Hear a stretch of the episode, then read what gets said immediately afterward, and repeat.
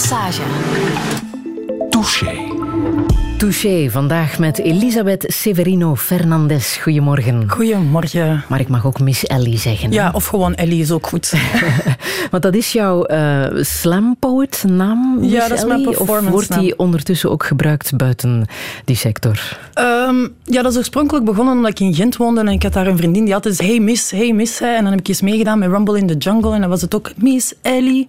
En dan is dat, heb ik dat zo overgenomen, maar ik word wel echt Ellie genoemd door iedereen. Ja, want het is een lange naam, hè? Elisabeth Ja, ja. Severino Fernandez. Ja. Valt daar iets over te vertellen, dat die zo lang is? Eh, ja, dat ik nooit genoeg ruimte heb op eh, formulieren om die naam in te vullen bijvoorbeeld. Allicht. dus daar blijf ik voor pleiten, voor meer eh, ruimte voor de naam. Ja, ik zei het al even, hè. je bent een slam poet. Ja. Ehm, hoe omschrijf je zoiets? Wat, wat is dat in, in het Nederlands? Of, of, eh, Ehm, eigenlijk, want in België gebruiken we dat een beetje door elkaar, die termen. Dus slam gaat eigenlijk over de wedstrijdvorm van, Ja. eh, van poëzie. Want spoken word is dan eigenlijk de kunstvorm. Ehm, en in het Nederlands zou het dan het gesproken woordartiest zijn of zo. Of een woordartiest of een woordkunstenaar, zeggen ze dat dan. Ehm, dus ja, zo zou ik het omschrijven. Ik ben eerder een spoken word, dus ik ben iemand met, die met woorden bezig is. eh, performance. En dat is dan het verschil met een klassiekere dichter, om het zo te zeggen, is dat wij echt heel hard ook op voordracht, op het performen, om het echt eh, de boodschap over te brengen, ja. bezig zijn. Je bent eh, de founding mother van eh, Mama's Open Mic, Yes. waar je ook een ultima mee hebt gewonnen een paar Yes. weken geleden. Mama's Open Mic, hoe zou je dat omschrijven? Wat gebeurt daar precies? Ehm, dat is een open mic event. Een open mic event betekent dat, dat, dat, eh, dat we wel een gedeelte van de artiesten vastleggen, maar dat daar ook publiek op mag afkomen en zich ter plekke kan inschrijven om deel te nemen, waardoor je nooit niet helemaal zeker weet wat voor een avond dat je gaat krijgen. Eh, dat zorgt er ook heel hard voor dat we dan ja, heel veel interactie hebben met publiek ehm, en fantastisch mooie momenten krijgen van mensen die voor het eerst een gedichtje komen brengen of die een heel diep, diepe tekst voor hun komen brengen. En dat kan over alle soorten onderwerpen gaan. Soms gaat dat over iemand die een zelfmoordpoging heeft overleefd. Ehm, soms gaat dat ook gewoon iemand die kwaad is op zijn ex of haar ex, die daar iets komt over vertellen. Of, of op de maatschappij iets over, daar iets over wil delen, over depressies. Ik heb het nu wel over de zwaardere onderwerpen, omdat dat vaak wel hetgene is dat langer blijft eh, nazinderen. Maar dat kan over eender wat gaan. Of, of liedjes komen delen, of eigen kunst komen delen. En, dan, en dat dan op een plek waar je heel veel liefde van het publiek krijgt. En sta je daar zelf ook nog wel eens op het podium? Eh, ik heb dat in het begin een paar keer gedaan, maar ik heb daar vrij snel van afge, eh, afgestapt van dat idee. Omdat ik vond van, als je dat dan doet als organisator, neem je snel heel veel plek in.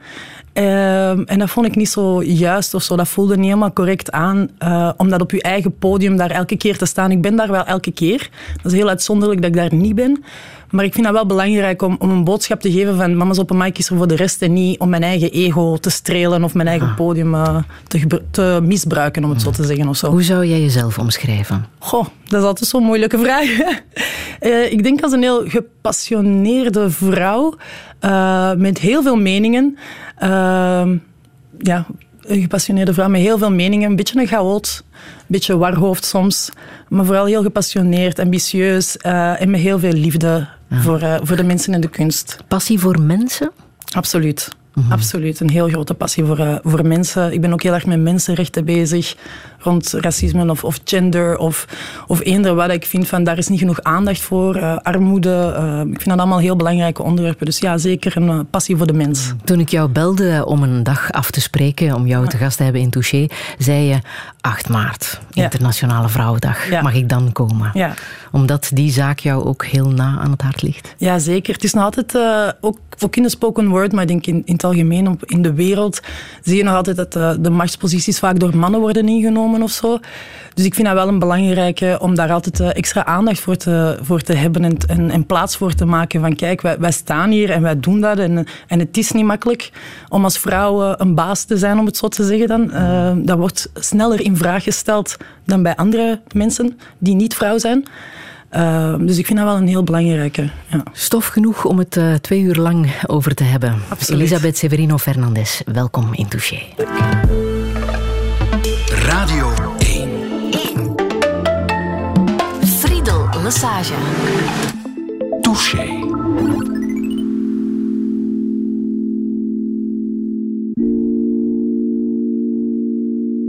Baby girl, Let niet op de reflectie in de spiegel. Baby girl, jou. Depressie Mening al gevormd, Gods eigendom. Ah, ah, ah, ah. Doe toch niet zo dom, je hebt niemand rondom jou. Vrienden, ze zijn zoek op jou, rust er een vloek. Alles in jouw handen gaat dood. Je blijft alleen met de stemmen in je hoofd. Niets is jouw morgen beloofd. Tranen overbodig, niemand heeft jou nodig. Dus veeg ze snel weg. En doe toch niet zo complex. Baby girl,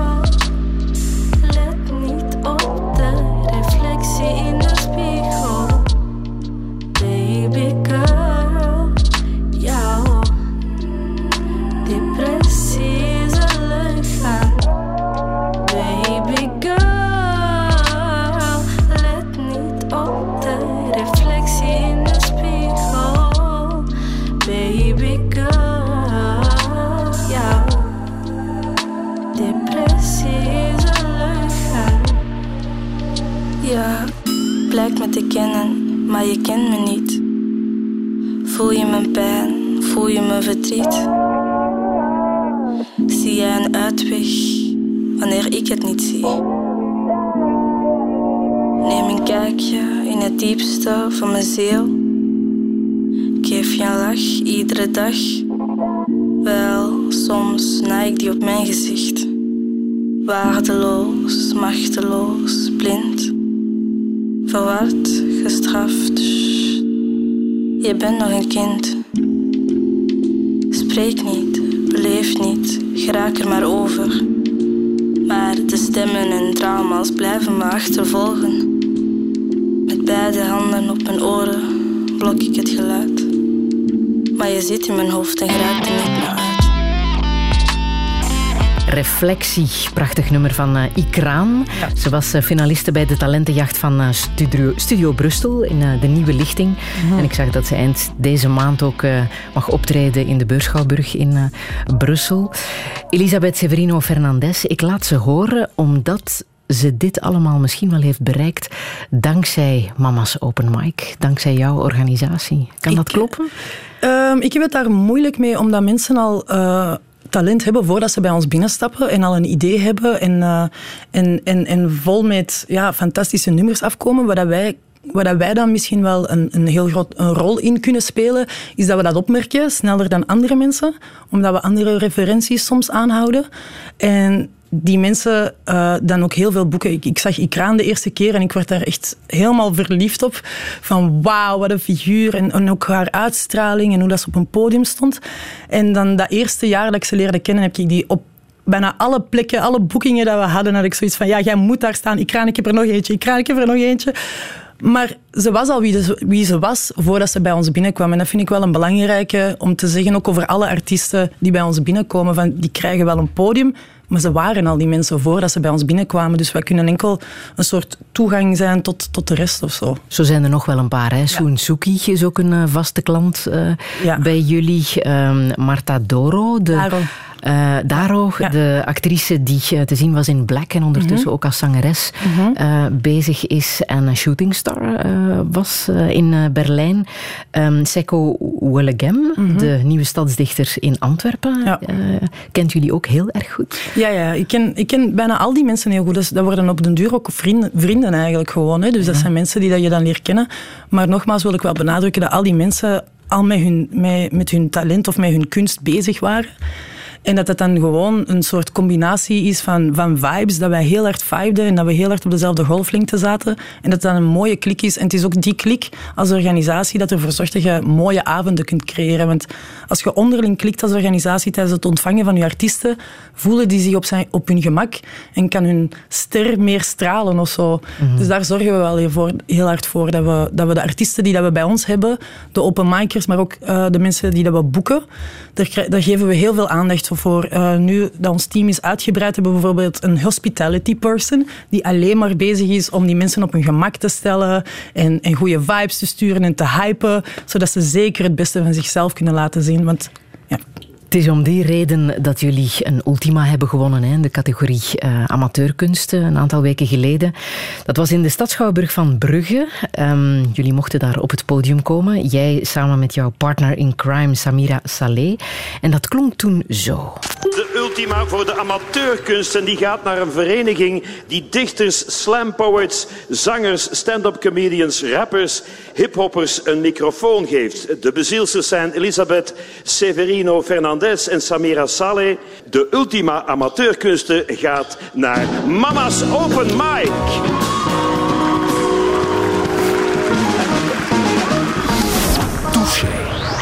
Daar volgde ook nog een oorverdovend applaus.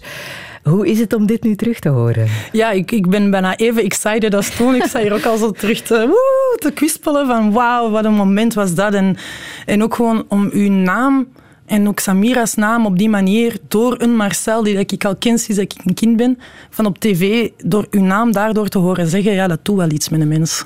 In het juryverslag stond Mama's Open Mic onderscheidt zich door de creatie van een safe space.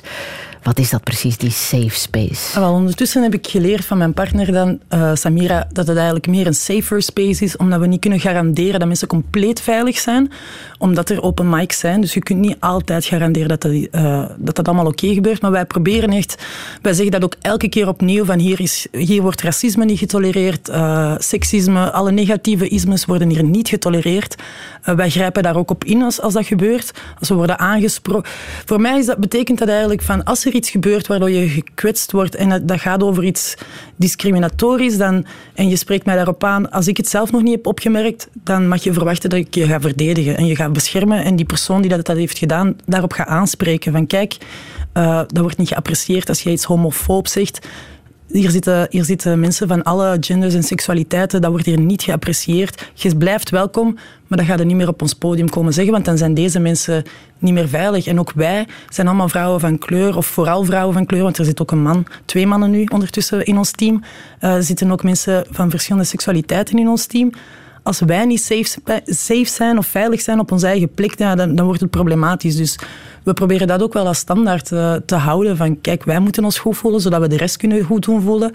En dan, dat vermenigvuldigt zich op die manier. mensen appreciëren dat heel hard eigenlijk. Dat ze weten dat. Wat er ook nog in dat juryverslag stond, was dat jullie een pioniersrol vervullen met betrekking tot inclusie en transformatie van het podium kunstenlandschap. Grote woorden, maar het is wel waar, denk ik. Hè? Uh, ja, kijk, een paar jaar geleden toen we begonnen, was er vooral Nufset, had je vooral uh, die groot, dat groot podium, dat uh, platform. En er waren geen tussenstappen daar naartoe om daar, daar te geraken. En ik had ook zoiets van, ooit droom ik ervan om op dat podium te staan, maar hoe gaat die mens weten dat ik besta? Dus dat al, het feit dat we dat al creëerden en een soort stabiliteit creëerden in die events, dat mensen konden komen en elke week, toen was dat twee wekelijks, nu is dat één keer op de maand. Dat mensen elke keer wisten van oké, daar kan ik mijn kunst komen oefenen. Want als podiumkunstenaar heb je publiek nodig. Dat is gewoon, je hebt die kilometers nodig op het podium voor een publiek om te voelen hoe dat ze reageren, hoe dat jij erop staat, hoe dat, dat is om je tekst te vergeten bijvoorbeeld of zo, om daarna te kunnen groeien en naar grotere podia te kunnen gaan. Jullie kregen ontzettend veel applaus. Mhm. maar diezelfde avond uh, was ook bewogen omdat toen uh, de minister van Cultuur, Jan Jan Bon, op het podium uh, kwam, toen werd er gejouwd. Hè. Hij werd uitgejouwd en zelfs met tomaten bekogeld. Hoe heb jij dat ervaren? Wij, hadden, wij zaten op de eerste rij. Uh, toen uh, tijdens, tijdens uh, Ultima. En wij hadden op voorhand afgesproken dat als die man op podium stapte, vanaf het moment dat hij begon te spreken, dat wij als statement gingen opstaan en naar buiten lopen. Dus als je naar de camerabeelden kijkt en je ziet zo wat mensen bewegen, zijn wij dat die aan het vertrekken zijn eigenlijk, omdat we zoiets hadden van we gaan niet op een meter afstand luisteren naar iemand die eigenlijk helemaal niet voor ons spreekt en helemaal niet onze belangen in, uh, in zijn gedachten heeft of zo. Dus wij gaan dat ook niet condonen of zo, om, door daar te blijven zitten en naar te luisteren. Ik ben blij dat, die de, dat, wij, dat de tomaten langs ons zijn gepasseerd, want die hadden even goed ons kunnen natuurlijk als die iets slechter hadden gemikt. Dus wij waren eigenlijk onderweg naar buiten. Ik heb dat ook helemaal niet gezien, dat er een tomaat werd gegooid. Ik wil ook wel zeggen dat het uh, een beperkt aantal, een klein groepje was die dat, dat heeft gezegd. De rest was eigenlijk wel. Ja, dat was natuurlijk een uh, reactie op uh, de besparingen in uh, de cultuursector. Mm -hmm. um, maar jullie hebben nu wel een geldprijs gekregen hè? Ja, ja. van de minister. Ja. Niet van de minister, zou ik zeggen. Wij werden gekozen voordat de minister minister werd. Hè. Mm -hmm. Laat dat wel duidelijk zijn door een onafhankelijke jury, een vakjury. dus wij hebben... Ik, ik prefereer om te zeggen, we hebben dat gekregen van de sector. Mm -hmm. Om het zo te zeggen, want die man is nog maar enkele maanden Ja. Het is wel geld dat jullie kunnen gebruiken, denk ik. Hè? Maar het zal niet zijn. Er is al een Waar deel van krijgen jullie tot nog toe jullie werkingsgeld? Uh, Goh, werkingsgeld hebben we eigenlijk zelfs niet. Dus voor, voornamelijk vrijwilligerswerk. Uh, daar willen we wel uh, dit jaar graag, afhankelijk van hoe dat met de subsidies zit, natuurlijk verandering inbrengen. Heel veel komt binnen via boekingen. Dus we hebben grote partners, gelijk Zomer van Antwerpen of zo. Of als wij op locatie gaan, is het sowieso betalend. En als wij het in Antwerpen doen, in het bos, dan doen we dat gratis. Dan is het hele team daar gratis. Dus de helft van het jaar werken wij vrijwillig om dat te organiseren, omdat we dat heel belangrijk vinden. Omdat we er allemaal, iedereen van, van het team is eigenlijk ook een open micer op een gegeven moment geweest. En we hebben er allemaal zoveel aan gehad dat we dat ook belangrijk vinden om dat te blijven doen, een locatie te creëren waar dat niet draait om het geld, maar echt gewoon oefenen. Want dat is je oefening baart kunst en daar zijn we dan heel erg mee bezig. Maar dus vooral op boekingen op locaties. En uh, we worden betaald met heel veel liefde. Mm. Vorig jaar hebben we ook uh, courgettes gekregen van iemand. Is het echt? Ja. Uh. Dus ja, op die manier. Jullie staan on, bestaan ondertussen tien jaar, hè? Um, dit is het negende jaar. Het negende ja, jaar. Of als Bijna. we het afronden ja, naar boven. Bijna tien jaar. Ja, dat is waar. Um, en het is begonnen voor jou uit noodzaak. Ja, ja ik, uh, ik had eerst heel lang niet door wat het was dat ik zelf maakte. Dus ik schreef teksten, maar het was geen rap. Uh, het waren ook geen gedichten, want ze waren te, te ritmisch en te rap of te, te rijmerig of zo. Uh, en ik, ik, kende dat nog niet zo goed. En dan heb ik een workshop gevolgd uh, via Kraak het Cultuurhuis. Dat is ook de man achter uh, Nufset die dat, toen heeft georganiseerd. Mij. En die heeft, die heeft toen Amir Suleiman naar hier gebracht. Een grote Afro-Amerikaanse poëet. En hij was eigenlijk degene die zoiets had van, ja, jullie moeten oefenen, jullie moeten oefenen, jullie moeten open mics. Allee, jullie kennen dat niet, jullie moeten open mics organiseren. En dan zes maanden later met het idee van, goh, ik, toen heb ik voor het eerst ook mijn teksten gebracht in die workshop. En dan dacht ik van, ik, ik, ik wil dit, dit, dit is het gewoon. Um, en dan dacht ik van, ja, als niemand anders het doet, ja, dan ga ik het moeten doen. En dan denk ik veel van de dingen die ik uh, heb gedaan uit ongeduld heb gedaan. Van oké, als jullie het niet doen, dan doe ik het wel. Het is goed. En was het moeilijk om een plek te vinden, om een podium te vinden? De, oorspronkelijk, dus de naam Mama Matrea, uh, Mama's Open Mic, komt ook omdat we dat in een café van een vriendin van mij deden. Uh, Sandra Delgadillo, dat is ook een danseres. Uh, en zij had een café genaamd Mama Matrea. Dat ook is ontstaan, uh, de, waar dat zij ook zo de, de, de, vrouwelijke kracht naar voren wou brengen. Mama Matrea is een, ik denk een Aziatische godin die staat voor vrouwelijkheid. En dus was de, de, de sprong snel gemaakt naar Mama's Open Mic. -huh. Dus dat was eigenlijk vrij snel gegaan dankzij haar. En ondertussen doe je dat sowieso elke tweede dinsdag van ja. de maand ja. in het bos ja. in Antwerpen. Dat is geen bos, maar dat is een uh, plek waar uh, creatievelingen hun uh, ei kwijt kunnen. Een kunstenaarsplek. en daar kan iedereen naartoe. Je komt aan, je zegt ik heb iets te vertellen. Je krijgt drie minuten. Mm -hmm. um, en Iedereen kan daar terecht. Iedereen, absoluut. We... Zelfs ook een oude opa van 80? Jazeker. Echt? Grappig dat je dat vertelt. Vraagt. Ik heb uh, vorig jaar, en ik ga dat dit jaar opnieuw doen, heb ik uh, een project gedaan in samenwerking met Urban Woorden, Senioreslam. We hebben dat in Brussel gedaan, we hebben dat gepresenteerd in het KVS. Dus senioren zijn daar uh, ook geïnteresseerd in, absoluut. Iedereen, de, ik denk dat de oudste openmaker dat we al hebben gehad in de 80 was. En de onderwerpen, je hebt er al een paar opgegeven, hè, zijn soms zwaar, gaat over mm -hmm. het persoonlijke leven. Maar hoe ver kan het gaan? Wat is het meest verrassende dat je daar al uh, op het podium uh, hebt gehoord? Ik heb uh, gehoord, ja, ik heb al van echt, ja, dat is al acht jaar, dus er zijn ontzettend veel performances.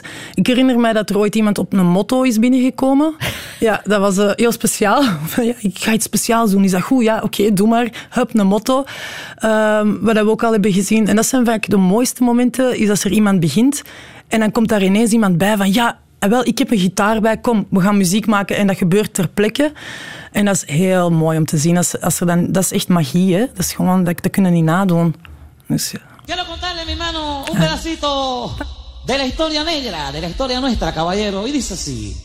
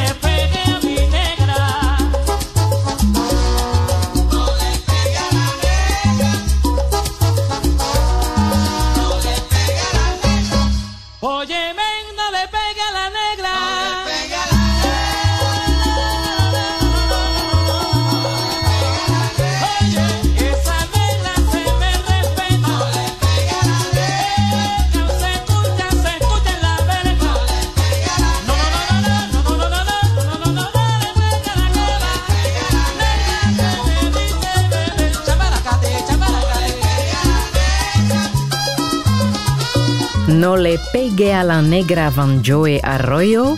Elisabeth Severino Fernandez, dankjewel dat je goedkeurt dat ik het goed heb uitgesproken. ik heb dan ook lang geoefend. Jij begon spontaan te dansen op deze muziek. Heerlijk om te zien hier in de studio.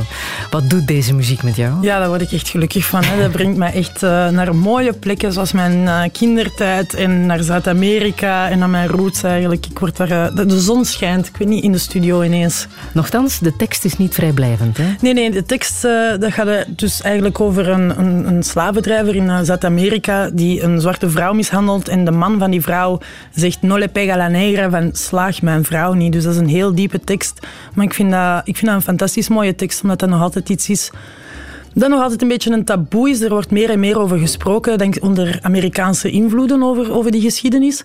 Uh, die zijn daar wel voorlopers in, maar er is nog heel veel werk rond racisme, rond anti-blackness uh, in Zuid-Amerika, terwijl wij een heel grote zwarte community hebben.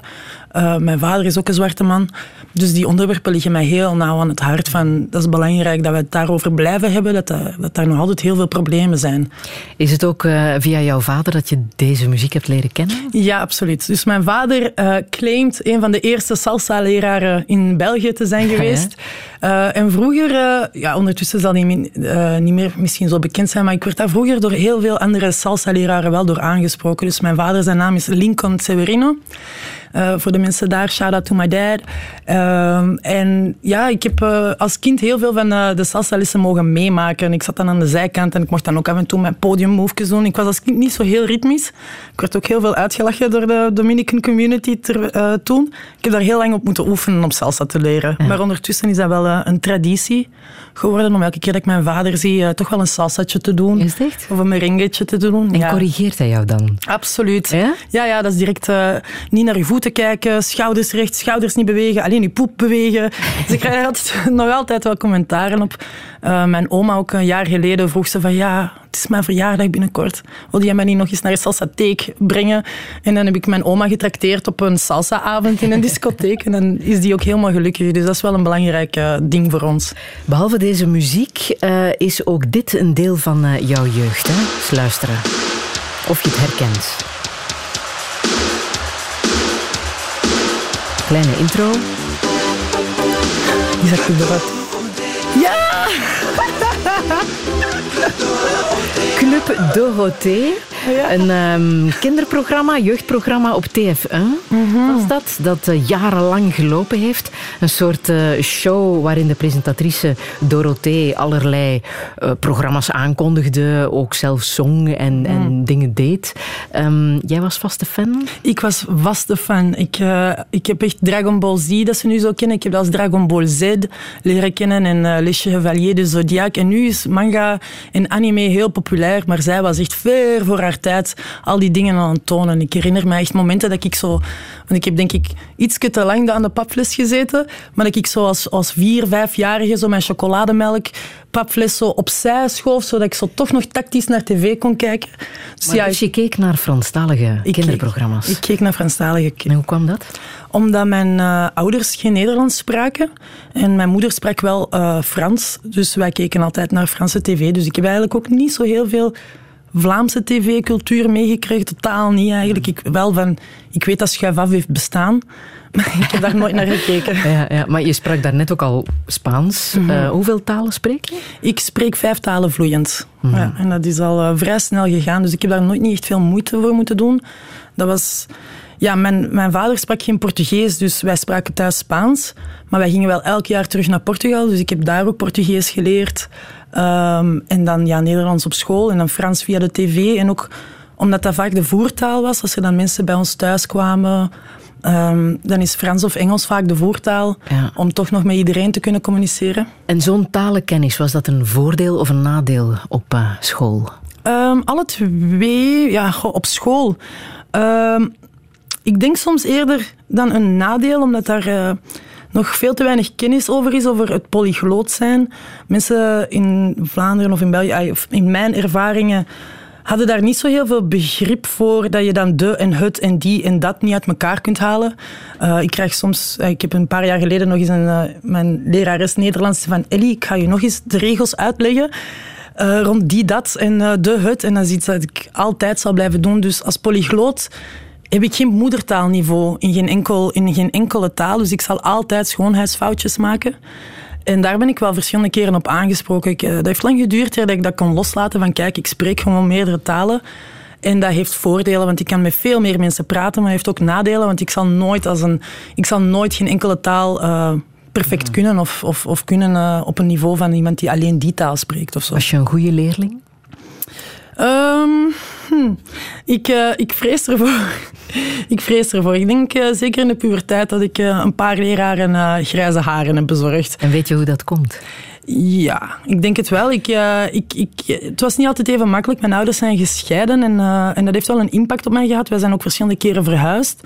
En ik denk ook dat ik me heel veel heb verveeld in de les. Um, ik ben jammer genoeg wel een slachtoffer van het watervalsysteem, waarbij dat er tegen mij in het zesde werd gezegd van, goh, technische, ik weet het niet, jong. ik zou toch iets met je handen gaan doen. En, uh, en achteraf gezien vind ik dat heel chockerend. Want ja, ik sprak toen al wel vijf talen en dat, dat zegt toch wel iets over iemand um, van intelligentie of zo. Um, en ik zat dus in richtingen die vaak containerrichtingen zijn, om het zo te zeggen. Gelijk handel en uh, toerisme. En richtingen ja, die mij eigenlijk echt niet lagen. Aan toerisme heb ik uiteindelijk veel gehad, omdat ik wel heb leren organiseren en werken met, met groepen of zo. Maar ja, achteraf gezien had ik veel beter kunst moeten doen of, of humane wetenschappen van in het begin. Mhm. Had je het gevoel dat er toch een vooroordeel was ten opzichte van jou? Absoluut, absoluut. Ja? Denk je dat daardoor uh, je in een verkeerde richting bent gestuurd? Vrij zeker. Uh, omdat ja, ik had meer energie misschien, of ik uitte mijn energie op andere manieren. Op een gegeven moment werd er ook gezegd in het vierde leerjaar, dat weet ik nog heel goed, van mij, uh, je bent zo'n drukke, zouden niet elke dag uh, wat sporten, dus dat moest, zodat ik uitgeput naar school kon gaan. Dus ik denk soms dat we kinderen die van andere afkomst zijn, die op een heel andere veel bewegelijker zijn van thuis uit of zo. Dat wordt, niet, die, dat wordt gezien als iets... Uh, ja, je bent wilder, dus je bent dommer, eigenlijk. En dat, daar heb ik wel uh, last van gehad of zo. Want je hebt je diploma via de middenjury gehaald. Ja, via middenjury in uh, tweede kansonderwijs. En dat was een van de beste beslissingen dat ik kon maken. Ah ja, waarom? omdat op school, die laatste jaar... Dus ik ben van de twee middelbare scholen waar ik heb gezeten, ben ik weggestuurd. Uh, zagen ze dan niet meer zitten om mij nog les te geven daarna. werd ook zo gezegd van ja, we zien dat niet meer zitten. Je mag er niet meer ingeschreven staan. En dat was ook op het zesde middelbaar. En dan de laatste jaar werd er constant gezegd van kun je niet normaal doen, kun je niet zijn gelijk de rest. En daar heb ik heel grote complexen aan overgehouden. Het heeft een paar jaar geduurd. En dan ben ik op die school gaan zitten, op eh, volwassenenonderwijs. En dan werd je als volwassene, als gelijke aangesproken. En dat deed iets helemaal anders met mij. Ik heb ook mensen voor de klas gezien die wel gepassioneerd waren door een vak. Want dat heb je natuurlijk soms met vaste benoemingen. Mensen die een beetje uitgeblust geraken. Ehm, die ook niet genoeg ondersteund zijn geweest natuurlijk door het systeem. Daar is niet veel ruimte voor. Er is heel veel verandering. Dus er, er komt heel veel bij kijken om leraar te zijn. En dan een vaste benoeming zorgt dan ja, dat je niet, meer, niet per se de beste leraar bent, maar toch wel voor een klas mag blijven staan. En dat, dat heeft veel impact op een zelfvertrouwen van een persoon. Als een leerkracht het niet wil zien of niet kan zien, omdat hij zelf met van alles zit. En in tweede kansonderwijs, uh, ik heb wel heel veel extra bijlessen moeten doen, omdat ik geen wiskunde had gekregen, of heel weinig, of fysica of chemie. Dat waren allemaal vakken die, die helemaal nieuw waren, maar die leraren waren zo gemotiveerd en hebben mij ook gewoon geleerd om te leren leren. Wat een heel belangrijke is. Zo structureren. Hoe kan je, hoe kan je iets ja, helemaal begrijpen? Hoe kan je de geschiedenis uh, proberen te bevatten? Hoe kan je de grote lijnen zien of zo? En dat was waardevol. Malcolm Garvey, Huey, study Malcolm Garvey, Huey. Their life was like a movie, study Malcolm Garvey, Huey. Malcolm Garvey, Huey. Malcolm Garvey, Huey. Their life was like a movie. I die, I organize. Everything I do's revolutionize. I build what's good for the whole damn hood. Study G's like these, really think you should. I study Malcolm Garvey, Huey. Malcolm Garvey, Huey. Marcel Cody with the Uzi. Listening to Fela Kuti. I'm Ogun with the machete. Especially if it's Delhi. Got the Santos for the Hexy to protect me, so respect me. This is heavy, legendary, revolutionary. My wifey, she resurrect me when they thought they had me buried. Took me out the cemetery. Now it's family over every. Cause it's all that's necessary to avoid the commissary. I'ma live for you five, so I stop getting high. If you know, then you recognize it's that black and brown pride. This the power of the mind. RBG, God divine. You can see through the lies if you could read between the lines. I live, I die, I organize. Everything I do revolutionize. I build what's good for the whole damn hood. Study G's like these, really think you should. Study Malcolm Garvey Huey. Malcolm Garvey Huey. Study Malcolm Garvey Huey. Malcolm Garvey Huey. Uh, Malcolm Garvey Huey. Bunchy Bobby packing Tukey. Sitting by the door so you can say I'm acting spooky. Just like in the movie, son, you better pack your toolie. Niggas switch be acting fruity, you'll be cracking like they pookie. Rather smoke a doobie than be burning and the looting. Bang, bang, pig shooting. We should blame Rudy Julie. Yanny for the camera, shine a white and nose candy. Let you banging on the system, you a gangster wearing panties. RBG, my family from the Bronx to Miami. Police cannot stand me, Pacquiao like a manny. Call me Little Bobby Hutton, cause I'm first to push the button. Rappers don't be saying nothing to the system, we say fuck them. This is for the Honda, mama, see mama Akua. All the real OGs, I'm a soldier, cause you told me study Malcolm Garvey Huey. Malcolm Garvey Huey. Malcolm Garvey Huey, I'm reporting in the duty. Sticky, icky, yours truly here for duty. Don Davino, M.A. Uno, you know how we drop the jury. This is real, not a movie, not Mickey, Donald, Goofy. I'm a soldier, I avoid a bitch nigga like the cooties. School face in a hoodie. fresh pair of khakis. We could do this like we fam or go to war like the Apaches. For whatever, I stay ready. I learned that in Tallahassee. Babatunde used to school me as a juvie, skipping classes. Never let the system use me. My duty is my passage. Watch the homies in your army. They don't always show their badges. Keep your family living healthy. Teach your children about their blackness. Teach your wifey how to use the ratchet. This shit is classic. Get your food, clothes, and shelter. Fuck the system, pimp it backwards. I ain't hating. I'm just saying if you wanna be a rapper, study Malcolm Garvey Huey. Malcolm Garvey Huey study Malcolm Garvey Huey. Malcolm Garvey Huey study Malcolm Garvey Huey. Malcolm Garvey Huey study Malcolm Garvey Huey. Malcolm Garvey Huey. A tactical approach is designed to get certain results. It's designed to keep you alive. It's designed to bring about victory. Het Amerikaanse hip-hop duo Dead Press met Malcolm Harvey Huey. Over uh, Malcolm X, Marcus uh, Garvey en Huey P. Newton. Mhm. Die elk op hun manier een uh, belangrijke rol hebben gespeeld in de Black Liberation Movement. Mhm.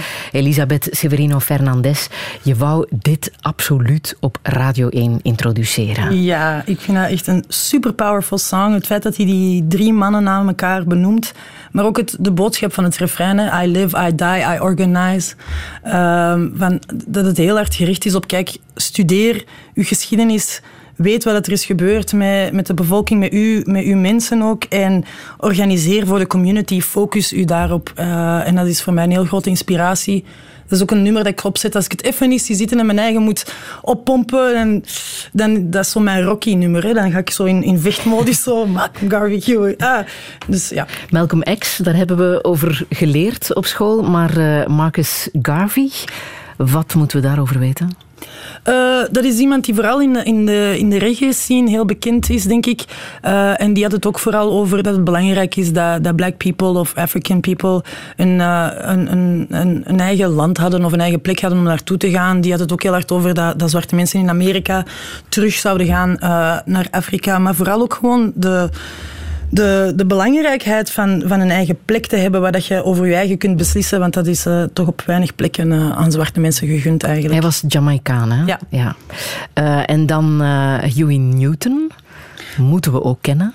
Ja, dat was een uh, Black Power activist die ook is uh, vermoord geweest. En die, uh, ja, dus de Black Power movement, die worden vaak afgeschreven als de, agressieve versie. En dan Martin Luther was dan de, de peace and love gast. En dat, dat is de man die dat we moeten volgen, terwijl dat ja, de, die, de Black Power Movement heeft ontzettend veel gedaan. Hè. Die hebben community building gedaan, die hebben aan education gedaan, die waren, die waren ook bezig met sociale zekerheid op te bouwen voor de black community. Die hebben heel veel dingen gedaan dat niet werd gezien, omdat ze compromislozer waren dan, dan Martin Luther gedurende een groot deel van zijn leven of zo. En daardoor wordt het dan problematischer gezien. Dus ik vind dat wel belangrijke namen op, die, op dat vlak.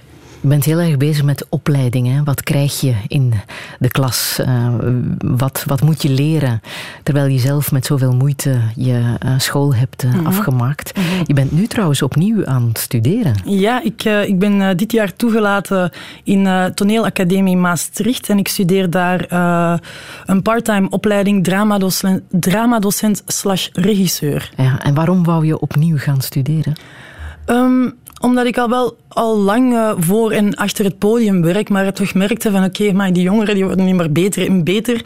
En als ik relevant wil blijven, ja, dan moet ik mezelf ook gewoon uh, bij blijven scholen. Ik merkte ook dat ik aan, bepaalde grenzen van mijn kennis had, van, van de kennis die dat, dat ik uh, zomaar kon leren. En ik ben niet altijd even gedisciplineerd als andere vrienden van mij, die zowel alle YouTube-video's gaan nakijken van tutorials en zo.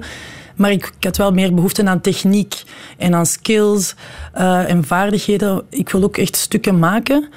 En, uh, en ik merkte dat ik op mijn eigen grenzen botste of zo. En dat was echt een manier om, om, om, om onder professionele begeleiding ook een beetje uit mijn scene uh, te komen, uit mijn comfortzone te geraken en, dat, en dat te kunnen ervaren en, en te internaliseren. Om dan wel terug natuurlijk naar mijn scene te gaan. En daar, uh, daar dat te verdelen of zo. Want heel veel mensen gelijk ik geraken niet zomaar binnen op kunstscholen. Uh, of, of op, op uh, hogescholen of op conservatoria. Maar hebben wel echt zin om met kunst bezig te zijn of met performance Zo heb je dat aan den lijve ondervonden, dat het moeilijk was om daar toegelaten te worden? Ik heb... Nee, deze keer was voor mij het eerste keer dat ik zelf auditie heb gedaan. Maar ik heb wel heel veel vrienden die dat er niet door geraakten.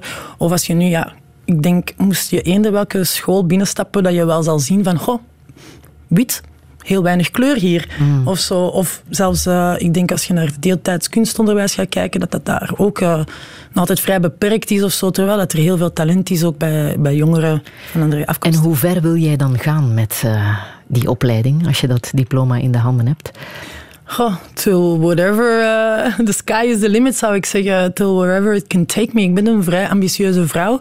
In eerste in eerste instantie uh, wil ik dat natuurlijk ook gewoon voor de mama's op een micers gebruiken. Ik zou graag daar ook uh, extra dramalessen willen geven aan mensen die spoken word doen.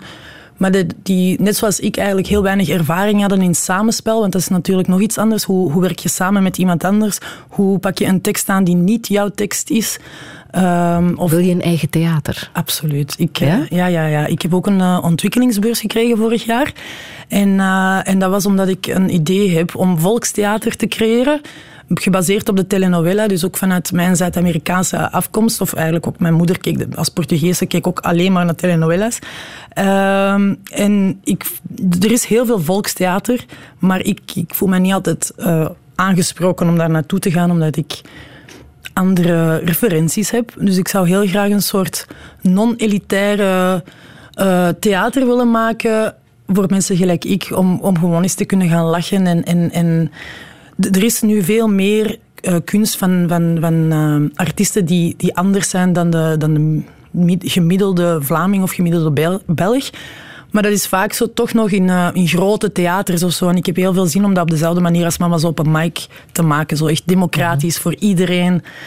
Iedereen kan daar naartoe, iedereen gaat dat begrijpen. Of toch de, de, de stedelijke jongeren of zo, of de stedelijke mensen gelijk ik, zouden dat ook begrijpen.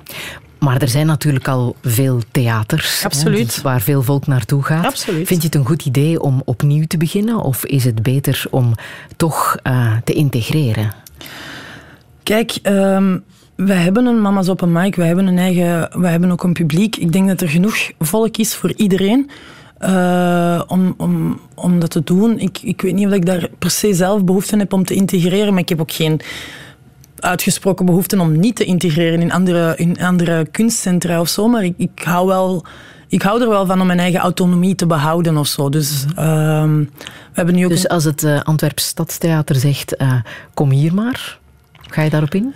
Dan zouden we, mits uh, enkele goede afspraken, zou ik dat niet meteen uitsluiten.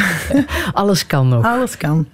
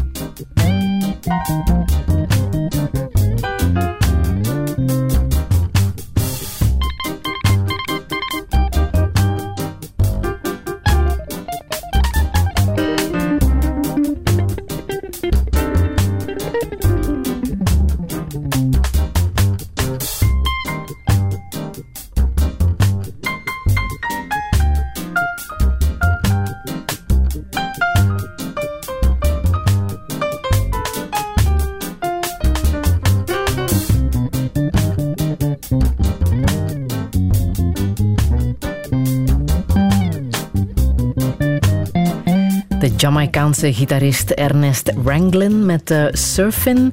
Elisabeth Severina Fernandez. Ja, geweldig nummer. Hè? We zitten hier allemaal wat mee te shaken. Ja, absoluut. Waarom wou je het laten horen? Um, ja, dat is gewoon dat is zo'n klassieke nummer. En ik heb ook zoiets van, als ik ooit zou ik weet niet, sterven en, en, en, en geïncarneerd kunnen worden, dan zou ik als deze baslijn willen terugkomen. Ik vind het zo'n fantastisch nummer. Ben je trouwens zelf al ooit in uh, Jamaica geweest? Nee, nee, nee, jammer genoeg nog niet. Uh, dat is natuurlijk, staat hoog op de verlanglijst, ja. maar er zijn altijd zo genoeg redenen, uh, genoeg andere plannen. Of de keer dat ik naar Zuid-Amerika ben gegaan, ben ik vaak naar Dominicaanse gegaan of naar Mexico, omdat ik niet zo vaak de kans heb gekregen om tussen strictly Spaanstalige mensen te lopen die eruit zien zoals ik. Hè. Want ik ga wel vaak naar Spanje, maar dat is daar veel witter of zo. En dat is toch wel een heel speciale ervaring om eens niet op te vallen. Mm. En uh, dat zoek ik soms dan op. Speel jij muziek trouwens? Ik heb uh, wel eens gespeeld met een basgitaar, maar uh, dat is jammer genoeg een tijdje geleden. Um, ik heb die uitgeleend aan iemand die hier werkt. Amra, um, mijn basgitaar mag je teruggeven op dat moment. um, ja. ja. Uh, boeken lezen, dat doe je wel, hè? Ja, ja, heel ja. graag en heel veel. Wat ben je nu aan het lezen? Ik ben nu een boekje aan het lezen, uh, Islam en Theater, die ik via, via de bibliotheek van mijn school heb uh, kunnen lenen. En ik ben dat aan het lezen in het kader ook van het Volkstheater, in het kader ook van mensen met wie dat ik heel vaak werk. Gelijk een, bijvoorbeeld een Samira Sali, mijn partner in Mama's Open Mic. Zij zou heel graag theater willen maken. Maar dat is niet zo vanzelfsprekend om een safe space voor haar te vinden. Bijvoorbeeld op mijn school wordt daar heel veel gevraagd om over elkaar te rollen of, of elkaar aan te raken. Dat gebeurt gewoon in een improvisatie. Dan zitten we allemaal hup, uh, tegen elkaar aan te kruipen. Dat kunnen niet zomaar vragen aan, aan, aan eender wie die, die, die zoiets heeft van mm, fysieke afstand is wel belangrijk of zo. Dus ik probeer dat nu een beetje mijn eigen in, te, ah ja, in bij te scholen. Van oké, okay, als ik, uh, ik wil graag met mensen zoals Samira theater maken, hoe kan ik dat doen uh, met alle respect voor de geschiedenis en, en voor hoe dat ze dan gaan overkomen, dat dat zeker geen problemen zou kunnen uh, creëren of zo. Voor hun persoonlijk, maar ook voor het publiek. Mm. Netflix kijk je ook heel graag, hè? Mm, ja, en voornamelijk voor de documentaires? Ja, ook. specifieke onderwerpen?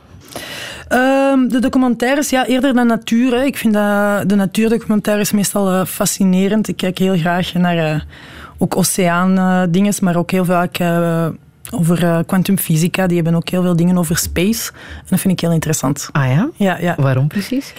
Um, ik vind het een fascinerend onderwerp, uh, het, het, ontstaan van alles. Um, ja, ze leren dat dan ons op, op school, hè? ja, de Big Bang. Maar ik heb dan zoiets van, ja, oké, maar van waar komt die Big Bang? Wat was daarvoor dan? Uh, surfen, ik doe mij daar ook heel erg aan denken van, ja, we zijn aan, aan het surfen op iets, maar we doen alsof dat de Big Bang het ontstaan is.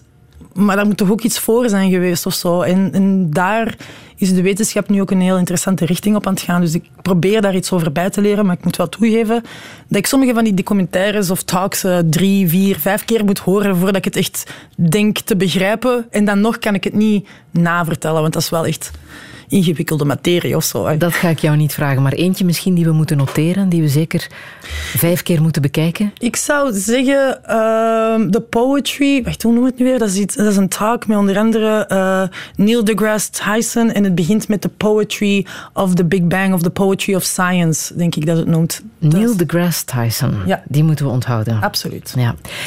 Um, ik heb nog uh, filmmuziek uit uh, Frida, de uh, film over Frida Kahlo. Mhm. Op deze Internationale Vrouwendag natuurlijk wel ideaal om het daar nog even over te hebben. Een film die jou ook persoonlijk heeft geraakt? Ja, zeker. ja, wat een, mooie film om daarmee te beginnen. Wat een mooie beelden. Elk, ja, de, de, de kadrage of zo van die beelden, de kleuren van die beelden. Maar ook het verhaal van die vrouw, uh, super interessant wat die allemaal heeft meegemaakt. Sommige mensen hebben gewoon zo, zitten zo op de kruispunten van geschiedenis of zo. Hè. En zij was er zo eentje. Um, en heel inspirerend ook zo, ondanks, of juist door alle pijn dat ze heeft gehad, um, zoveel mooie kunsten creëren eigenlijk. Je bent in Mexico geweest, ben je dan ook naar haar huis, nee, naar haar atelier gaan kijken? Jammer genoeg niet. Ik zat uh, aan de andere... Mexico is een heel groot land en ik zat aan de andere kant van Mexico. Maar uh, dat is zeker nog wel een doel. Het is ook de film die uh, actrice Salma Hayek zelf heeft uh, gemaakt en waar ze heel hard voor heeft uh, gevochten mm -hmm. bij producent Harvey Weinstein. Dat verhaal ken je ondertussen ja. allicht. ze heeft nog nooit zoveel nee tegen een man gezegd als toen in die draaiperiode. Mm -hmm. Ook op deze Vrouwendag iets om nog eens in het daglicht te stellen. Zeker. De muziek dus. Dat is uh, muziek van uh, Elliot Goldenthal. En hij kreeg er ook een Oscar voor.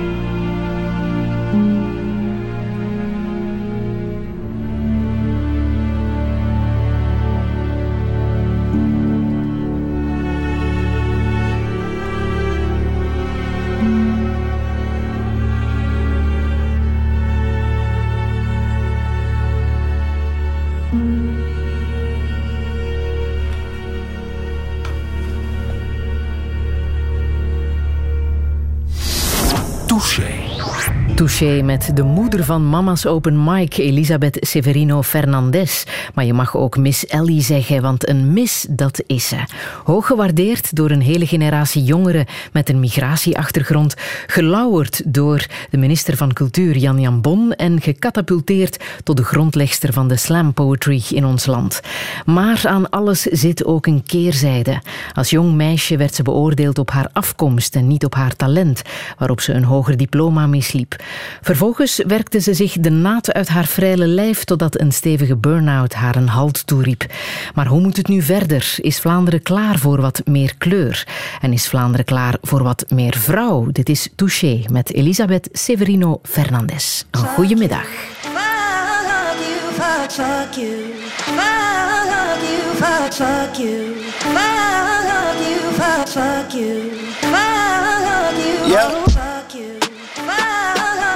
Nah, nah.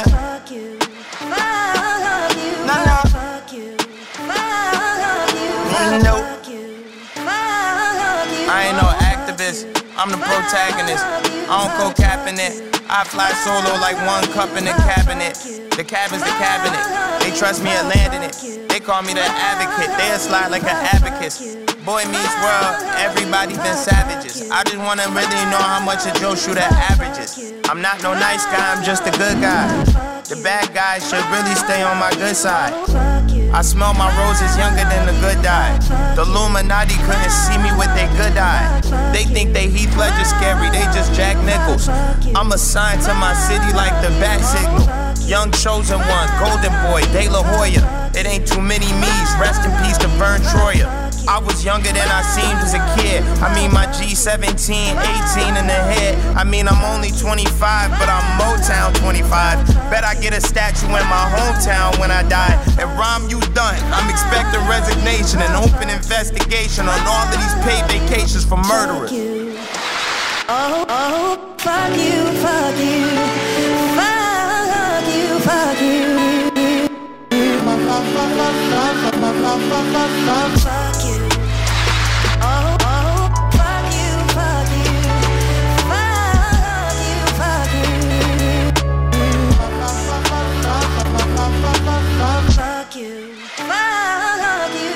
Fuck, you, fuck you, fuck, fuck you, fuck you, fuck, fuck you, fuck you. I don't get no paper, I got a sign at the bottom. Still in my bag like the fries at the bottom. And I can't do nothing right, they gon' always be at me. I miss a Crane's interview, they try leaking my addy. I donate to the schools next, they call me a deadbeat daddy. But sometimes getting that rounder business. I got a hit list so long I don't know how to finish.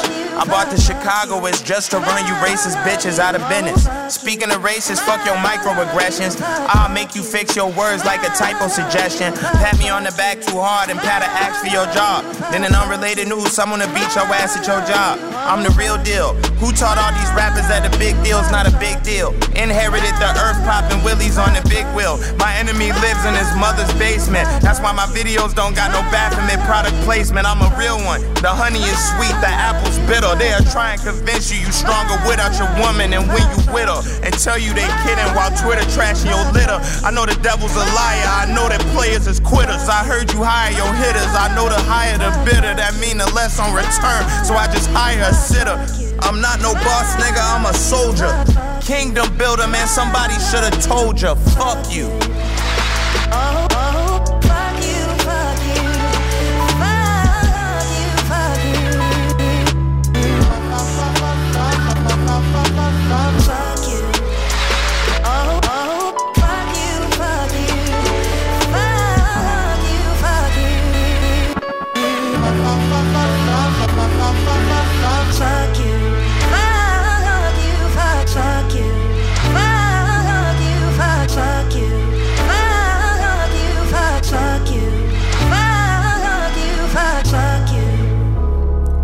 Het nummer heet officieel Might Need Security van Chance the Rapper.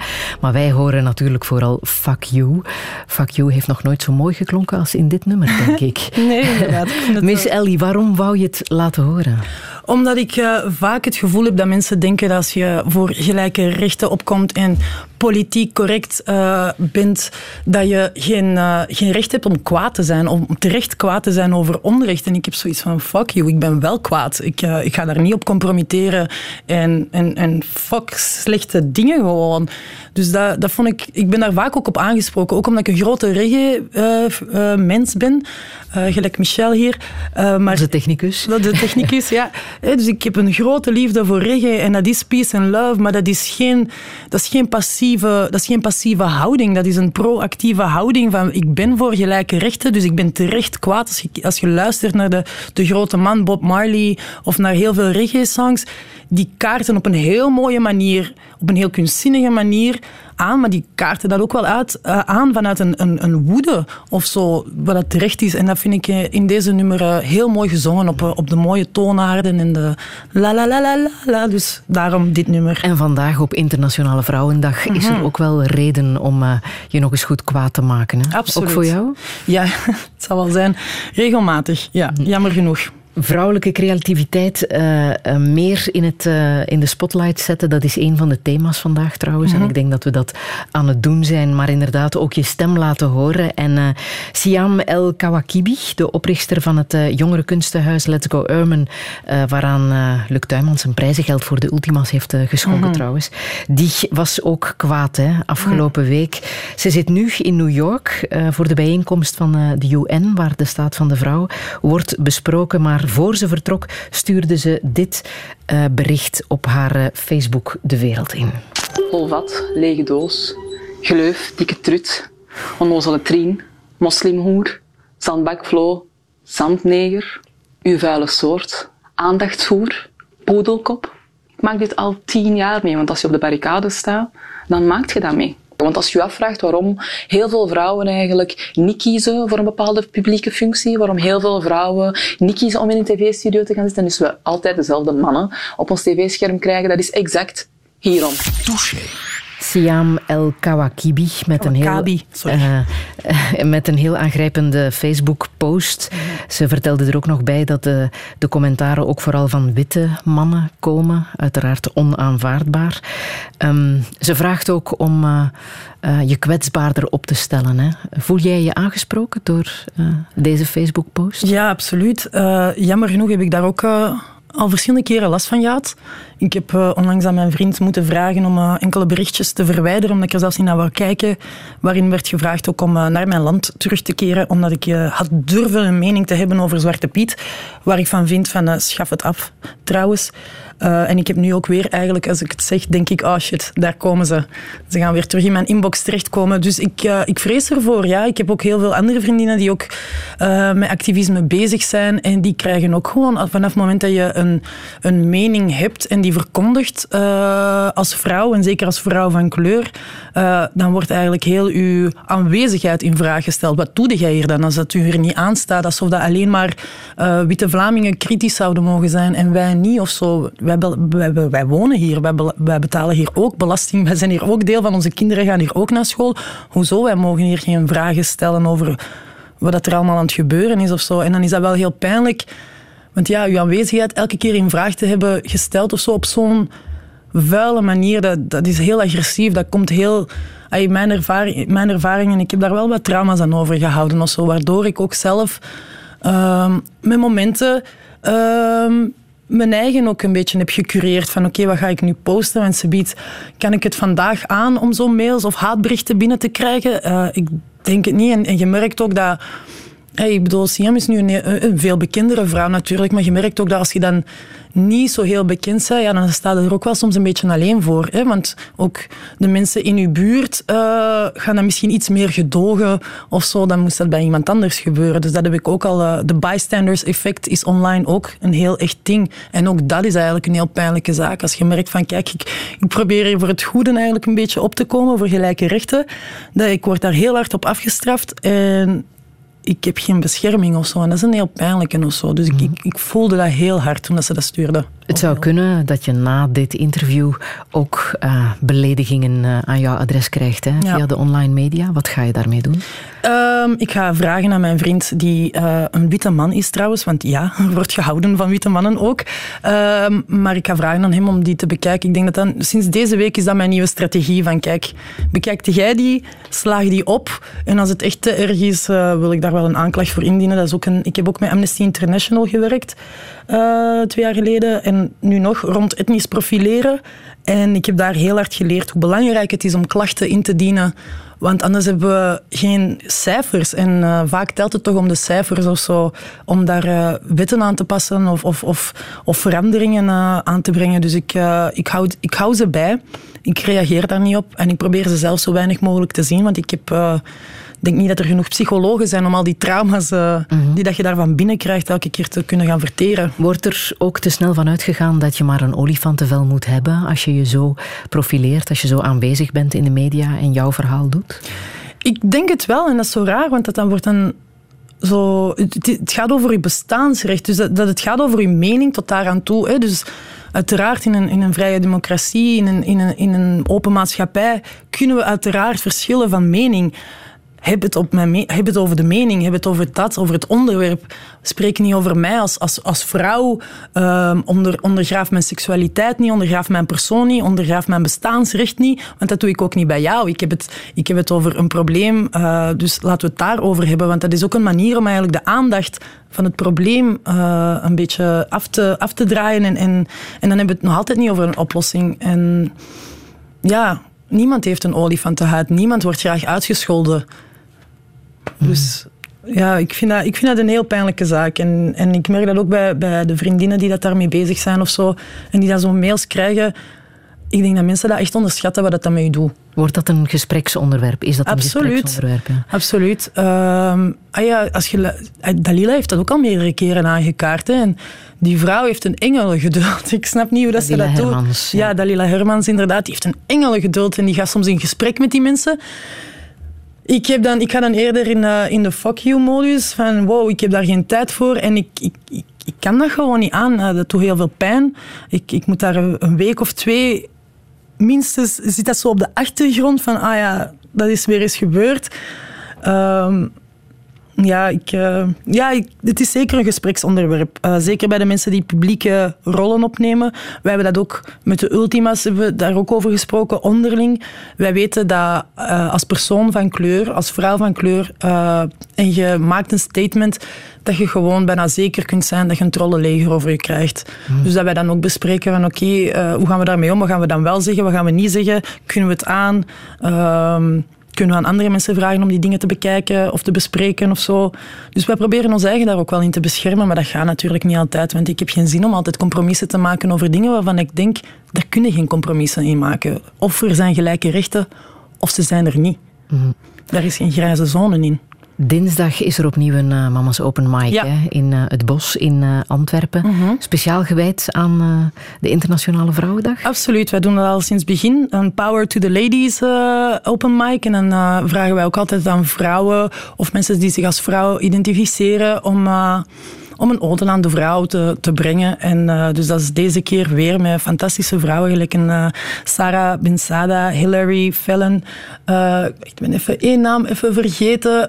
we hebben ook Sakina, die gaat hosten, een vrouwelijke DJ. Dus wij vinden dat wel heel belangrijk om om dan extra aandacht voor vrouwen te hebben. Maar dat hebben we eigenlijk altijd. Als mama's open mic zijn, de naam alleen al is heel vrouwelijk. Dus dat kan ook niet anders. Aha. Afgelopen dinsdagavond was er geen vrouw op straat, want het was meer vrouw op straat, op mm -hmm. canvas. Alle vrouwen zaten voor het tv-scherm. Dat is uh, de actie van uh, Sophie Lemaire, collega mm -hmm. hier bij Radio 1, die uh, oproept om de verhalen van sterke vrouwen te vertellen en die ook te eren in straatnamen, want die zijn er echt waar zichtbaar veel te weinig. Ja. Als ik aan jou vraag, aan wie wil jij een uh, straat wijden? Welke vrouw uh, moet dan absoluut een uh, straatnaam krijgen? Ja, ik denk aan, uh, direct aan een heel goede vriendin van mij, Laura Nsingiyumva. zij heeft twee jaar geleden begonnen met een soort activistische performance rond Sinterklaas. en dat noemt Queen Nicola. En dat is een soort positieve alternatief om niet altijd de, de witte, alleen een witte man te, te, te aanbieden eigenlijk, of, of aan onze kinderen te laten zien. Maar zij als zwarte vrouw draagt dan een kroon en gaat dan cadeautjes geven. En is, dat is haar bedoeling. of de, de, het doel is eigenlijk om een soort nieuwe legende uh, te creëren die wel inclusief is, die, wel, die niemand uitsluit of niemand viseert. Zij heeft ook vorig jaar een standbeeld van Leopold II nagemaakt en laten smelten. Um, zij heeft trouwens ook heel veel haatmail gekregen en echt heel echt dreigberichten door Queen Nicola. Uh, en dus, dat zijn heftige dingen. Zij, werkt, zij geeft les ook aan uh, KAS, als ik me niet vergis. En ja, dat zijn heftige dingen om, om zoveel dreigberichten te krijgen als je, als je bezig bent met een kunstproject. Een andere waar ik dan aan denk die ook een, een Ultima Award heeft gekregen is, uh, is Rashida Lamrabet. Ik weet het, we hebben het vooral over als straatnaam misschien een dode vrouw, maar ik heb zoiets van die vrouwen hebben het al moeilijk genoeg. Waarom kunnen we ze niet eren terwijl ze leven? Kunnen we het, hun leven niet nu al makkelijker maken? Dus uh, ik nomineer hun al zeker.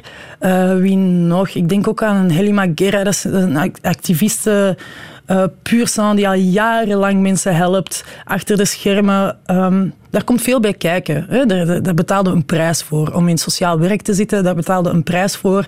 Uh, uw mental health, uw mentale gezondheid leidt daaronder. Omdat je vaak tegen de bierkaai lijkt te vechten of zo. Dus ik wil vrouwen die nu al eigenlijk heel veel uh, opofferen, nu al graag een straatnaam geven. Zodat ze toch zien van jullie zijn super waardevol. En zonder jullie... Um, ja, zouden er toch veel minder vrouwen uh, zich veilig voelen of zo. Misschien komt er ook wel een Miss Ellie-plein. Wie weet, wie weet.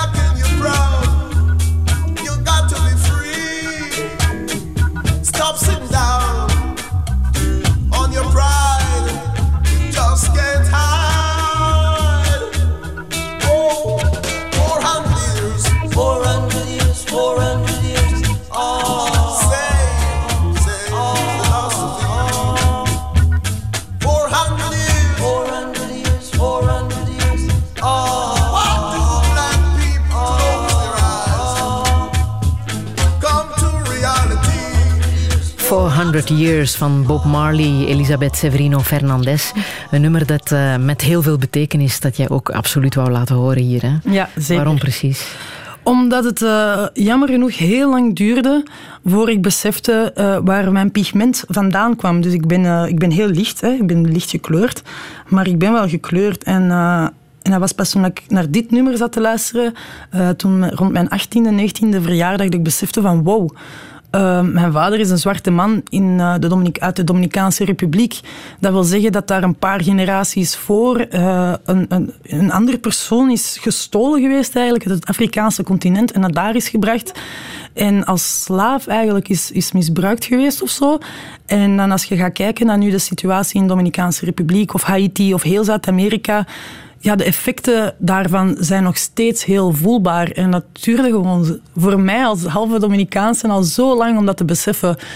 Uh, van ja, wat dat eigenlijk betekent. Dus uh, daarom wou ik dat laten horen van het, heeft nog altijd effect als we het hebben over die armoede. Want eh, Zuid-Amerika was de eerste kolonisatiegolf.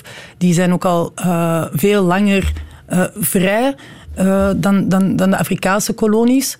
Ehm, maar die armoede, de, de, effecten van slavernij zijn nog altijd zo voelbaar en zichtbaar. Mensen gaan daar op bezoek. Dus de Dominicaanse Republiek is ook het eerste eiland uh, dat tussen aanhalingstekens ontdekt werd door Columbus. Um, en je ziet daar dus nog altijd uh, dikke Amerikanen foto's trekken op een Columbus-kathedraal uh, of voor, voor, die, voor die slaven, waar de, de, slavenhaven waar dat ze dan binnenkwamen en zo. Dat is, dat is chockerend. Dominicanen mogen ook niet zomaar daar binnen. Dus ja, daarom. En het heeft uh, geweldige muziek opgeleverd natuurlijk ook. Ja, dat uh, wil je ook onder de aandacht brengen hè, met de Black History Month. Die ja. wordt gevierd in Ja, Antwerpen. zeker. 21 maart hè, moeten we noteren. Ja, ja, ja. 21 maart gaan we in CC Berchem uh, een, een Soul Train organiseren om, om de vele fantastische zwarte muziek dat we hebben mogen meemaken te celebraten. Dat is een organisatie, de Black History Month wordt door Mohamed en Aminata georganiseerd en dat is eigenlijk ondertussen naar drie steden gegroeid. Dus in Gent, in, uh, in Antwerpen en in Brussel. En de, dit jaar is het thema mental health en spirituality, wat prachtig is. Er zijn fantastisch mooie events. Dus als je niet weet wat te doen vandaag, morgen of elke dag van maart, check Black History Month. En anders kom 21 maart naar CC Bergen. Dat is duidelijk. Mag Joaquin Phoenix ook komen? De Joker? Absoluut. Wat een fantastische acteur. Ja, Zeker. en wat een uh, indrukwekkende speech die hij mm -hmm. ook heeft gegeven. Hè. Toen hij alweer eens een prijs kreeg op de BAFTA's, zei hij dit. I think that we send a very clear message to people of color that you're not welcome here. We have to really do the, the hard work to truly understand systemic racism. I think that it is the obligation of the people that have created and perpetuate and benefit from a system of oppression to be the ones that dismantle it. So that's on us. Touché. Ja, hij haalde uit naar het racisme in de filmindustrie en noemde zichzelf een deel van het probleem. Systemisch racisme, het is erg dat we het nog eens moeten uitleggen. Hè? Ja, um, ja dat, dat, gaat over... Want als we het hebben over racisme, um, mis, misbegrijpen mensen dat vaak. Dat gaat, niet, dat gaat niet over individuen, het gaat over machtsstructuren.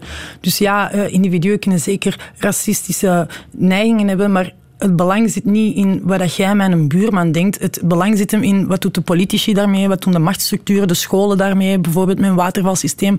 Wat gebeurt er daar en hoe kunnen we dat aanpakken? Want dat heeft direct effect uh, op onze gezondheid, op onze leefomstandigheden. Mensen van kleur en vrouwen van kleur sterven ook gewoon vroeger dan Vlaamse vrouwen, ook al zijn ze hier heel hun leven uh, geboren en getogen. Dus daarover gaat het. En wat een heel mooie boodschap is, en dat is ook iets wat ik ook al een paar jaar probeer te te zeggen aan mijn werkgevers of zo. Als ik een boeking krijg van ja, kom over racisme praten. Het is anti-racisme-dag vandaag. Kom erover praten, maar kun het gratis doen. En dan denk ik, wacht. Dus we, je, je beseft dat het over structureel gaat. Dus dat ik structureel minder kans maak op een inkomen. Maar jij wilt mij dan ook geen inkomen geven. Dat begrijp ik niet. Dus ik moet hier nu nog eens gratis mijn trauma's komen vertellen. Wie weet, uh, gebeurt er iets onderweg naar daar? Of komen er, eh, dan in mijn inbox krijg ik daar reactie op? En toch vind jij dat oké om mij dan te laten opdraven zonder mij daarvoor willen betalen. Vraag anders aan mijn witte medemensen, want zij hebben, zij hebben veel meer kans op, als het over gratis dingen gaat, zij hebben veel meer kans op job. Dat, dat, die cijfers zijn daar. Dus in, op die manier vind, is, dat, is dat een manier waarop ik dat probeer aan te kaarten. En mensen verschieten daarvan, van ah ja, dat is, ik heb daar eigenlijk nog niet zo over nagedacht. En dat lijkt me ook tokenisme, ook een term die je eens extra wil benoemen. Ja, ja, ja. Ehm, kijk, ik... Uh, Want dat is een persoon uit een minderheidsgroep net op zo'n moment even in het daglicht zetten. Ja, of zelfs niet alleen op zo'n moment. Hè. Gewoon uh, organisaties of de tv of weet ik veel welke andere uh, culturele instelling of instelling in het algemeen. Van kijk, we hebben een persoon van kleur of een zwarte persoon en we zitten niet op de poster of we zitten niet op de voorgrond en tada, we zijn multiculti en wij zijn pro-diversiteit. Ja, nee, dat is het niet. Hè. Dat, is, dat is tokenisme. Mij gewoon gebruiken voor de foto, maar u wel de ruimte niet willen aanpassen zodat ik mij wel veilig voel. Of als er dan iets gebeurt, uh, mij niet willen beschermen of daar geen zero tolerantie voor hebben, die dat we nu ondertussen meer aan het ontwikkelen zijn rond hashtag MeToo-achtige praktijken. Maar naar racisme toe, dat wordt gewoon getolereerd, terwijl het daar ook... Dat is gewoon tegen de wet, maar dat is oké. We, we, gedogen het of zo. En, en, en dat vind ik wel echt een, groot probleem. Zo. Dat, dat is, daar komt het tokenisme voor mij van, kijk, je wilt mij wel tonen, je wilt mij wel met mij op de foto, je wilt wel dat ik je, uw organisatie kon vertegenwoordigen, maar als er iets gebeurt, ben ik helemaal niet veilig. En dan, dan, dan ben je mij aan het misbruiken. Je hebt het boek Plantation Memories gelezen hè, van de Portugese psychologe Grada Quilomba. Mhm. Wat heb je daar precies uit geleerd? Het is een, uh, eerst een vrouw, vind ik binnen de context, is het een Portugees-Angolese vrouw. Dus ook uh, binnen de context is het belangrijk omdat Angola een kolonie is geweest van Portugal. Dus dat is wel zeker belangrijk om dat te zeggen. Wat ik daar heb op uit geleerd, dat is een soort, um, een soort studie, een arts, een, een, een kunstzinnige studie ook over hoe dat dat als ik kennis produceer, zij, zij heeft het over als, als, witte mensen kennis produceren, dat dat deel veel vaker als waarheid wordt aangenomen. Maar als mensen van kleur, uh, of mannen van kleur, of vrouwen van kleur, uh, kennis aanbrengen, dat dat veel vaker in vraag wordt gesteld. Van ja, maar is dat wel kennis? En zit jij niet te gevoelig daarover? Dus kunnen we dat wel als wetenschap bijvoorbeeld aanvaarden? Een paar jaar geleden uh, was er toch een meisje, denk ik in Antwerpen of Gent, ik weet het niet meer zeker, die, die praktijktesten had gedaan om te zien van zijn mensen ik ga hier als witte persoon solliciteren en dan mijn, mijn echte naam gebruiken en krijg ik, dan, uh, krijg ik dan een job. En ze heeft daar als wetenschappelijk onderzoek aangebracht. En daar zijn de resultaten van buiten gekomen. In heel Vlaanderen is er over gestruikeld. Maar ja, het is een Marokkaanse, dus ze kan niet objectief zijn. Daarover gaat het. Dus dat een wetenschapper van kleur niet als objectief wordt bekeken. Dus dan, zelfs als je dan de studies doet binnen de structuren dat er bestaan, wordt wat jij produceert nog steeds in vraag gesteld, ook al gebruik je de juiste methodologieën. En dat is iets dat ik heel erg van uh, Grada heb geleerd, van, uh, om daarover na te denken. En ook eigenlijk de psychologie achter, achter, achter het racisme van mensen die dat, mensen die dat geloven in, in, in, de, in de white supremacy, in, in dat ze zonder dat bewust te doen, hè, want dat klinkt allemaal zo, zo, hard, dat weet ik wel. Maar mensen die, die, die zichzelf als standaard zien, of, of de witte samenleving, of, of het westerse samenleving als standaard zien, daar, is toch zo een, daar moeten toch iets voor doen om andere mensen te onderdrukken. Daar, daar, heb je een psychologisch systeem voor nodig. Om dan niet te zien dat je dat doen, aan het doen bent en om jezelf als standaard te willen blijven zien um, ten nadele van de rest van de wereld uiteindelijk. Hè? Want ja, de wereld is bruin.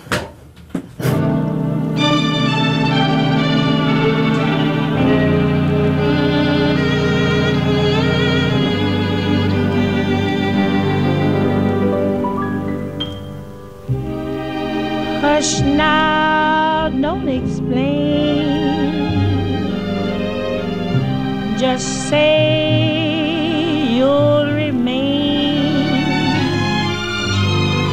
I'm glad you're back. Don't explain.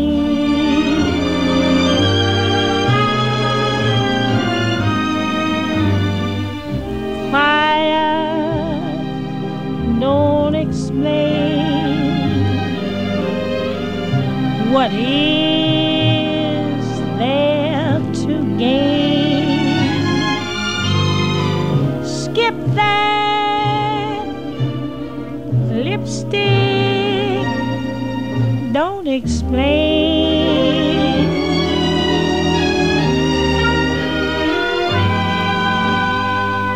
You know that I love you and what love. All my thoughts of you, for I'm so completely yours. Cry to hear folks chatter, and I know you cheat. Right or wrong, don't matter when you're with me, sweet. Hush now, don't explain. You're my joy and pain. My life's yours, love. Don't explain.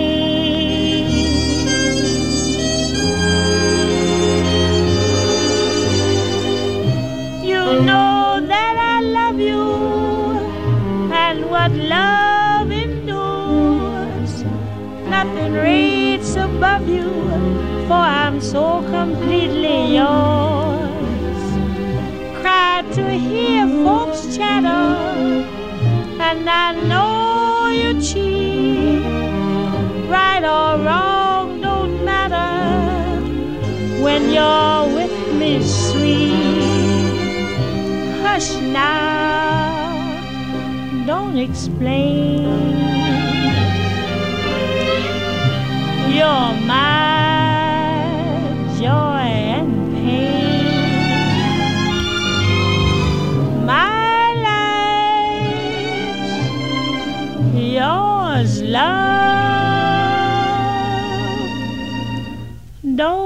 Explain. Billie Holiday met Don't Explain. Elisabeth Severino Fernandez. Ik zal toch vragen om het even uit te leggen. Waarom wou je dit laten horen? Volgens mijn vrienden... Het nummer. Ah, sorry. Ja. Het nummer... ehm, ja, ik ben een heel grote fan van Billie Holiday. Ik heb onlangs haar eh, ehm, biografie gelezen. Ehm, ik hou van dit nummer omdat het toch ehm, pre... Heel veel van de trucjes zijn die dat zangeressen tegenwoordig gebruiken. Of zo. En ik vind dat hij een heel pure zangstijl heeft. Ehm, moest, ik weet niet of dat ze moesten nu zingen even bekend zou zijn geworden. Maar ik vind... Ik, ja, het is zo authentiek, het is zo echt. Het- het- ik weet niet of ik vraag me af of dat mijn zangleraren ehm, dat ook correct zouden vinden volgens de techniek of zo. Maar ze is zo, ja, zo echt. Dat, onwaarschijnlijk. En een nummer over de ontrouw van haar eerste man. Toen Ja. die met eh, lippenstift op zijn kleren thuis kwam, zei ze... Neem gewoon een bad, probeer het niet uit te leggen. Ja. Eh, het huwelijk, is dat aan jou besteed? Goh, my. Dat, eh, I don't know. Ehm, ik, ik, goh, er, ik stel mij daar vragen bij. Kijk, ik ben een kind van gescheiden ouders. Dus eh, ik heb al heel snel de relativiteit van een huwelijk en van mensen hun beloftes mogen zien. Ehm, ik, eh, dus ja, de instelling lijkt mij ook zo een beetje achterhaald ondertussen. Ehm, dus En de liefde, wat betekent dat volgens jou? ik eh, geloof heel hard in eh, onvoorwaardelijke liefde. En ik gebruik dat ineens als cue. Omdat je daar ook een, een gedicht over hebt, hè? Ja. Want dat hebben we nog niet laten horen hoe dat klinkt, slam poetry. Ja.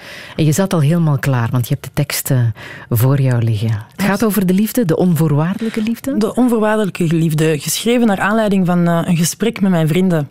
Want volgens mijn vrienden bestaat de onvoorwaardelijke liefde niet. Volgens hun is het een tegenstelling, een onmogelijkheid, een makkelijk te doorprikken illusie. Volgens hun is liefde per definitie egoïstisch. Je houdt van omdat hij of zij of hun je recht houdt, je warm maakt, je goed voelt. Je houdt van zodat je niet alleen bent. Je doet goed zodat hij of zij of hun je in hemelsnaam niet verlaat. En enkel daarom, Ellie, ben jij tot het onmogelijke in staat. Huh. Volgens mij weten ze te veel, maar voelen ze niet genoeg. Feiten splijten en onderzoeken te veel wetenschap als nieuwe god. Maar zijn de apparaten wel gevoelig genoeg? Beperkt door de imperie. Zou morgen de formule voor onvoorwaardelijke liefde verschijnen, zouden allen zich bekeren, zich bezeren in de zoektocht naar de juiste woorden om hun liefde te beschrijven, maar zouden ze nog steeds niet de liefde bedrijven, begrijp me. Dit is geen gedicht. Dit zijn enkel goedkope woorden, geschreven door een goedkope vrouw op zoek naar goedkope rust. Want ik zeg je, jullie allemaal op de radio, het kost mij niets deze woorden neer te pennen, voor te lezen en los te laten. Ik vraag enkel dat jullie mij verlossen door mij dan uit te leggen waar het dan wel om draait.